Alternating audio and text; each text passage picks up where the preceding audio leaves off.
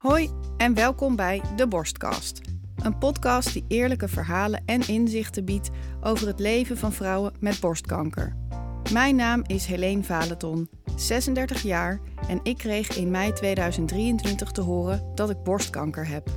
In deze totale chaos van verdriet, angst, maar ook hoop en liefde ga ik in gesprek met vrouwen en professionals over borstkanker. Geconfronteerd worden met grote levensvragen en bizarre keuzes die je ineens moet maken is intens en verwarrend. Het gaat over chemo, haarverlies, operatie, kinderwens, genetisch onderzoek en nog veel meer.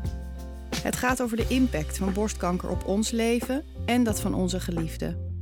Samen verkennen we de veerkracht van lichaam en geest in tijden van tegenslag.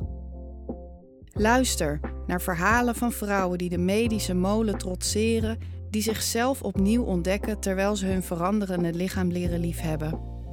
Ook professionals komen aan het woord. Wat is borstkanker precies? En wat kan je naast medische behandeling zelf doen? Waarom word je eigenlijk zo ziek van een middel dat je beter maakt? De Borstkast is een bron van informatie en inspiratie. We bespreken de moeilijke momenten, de onzekerheden en de veranderingen, maar zeker ook de kleine overwinningen en de zoektocht naar balans.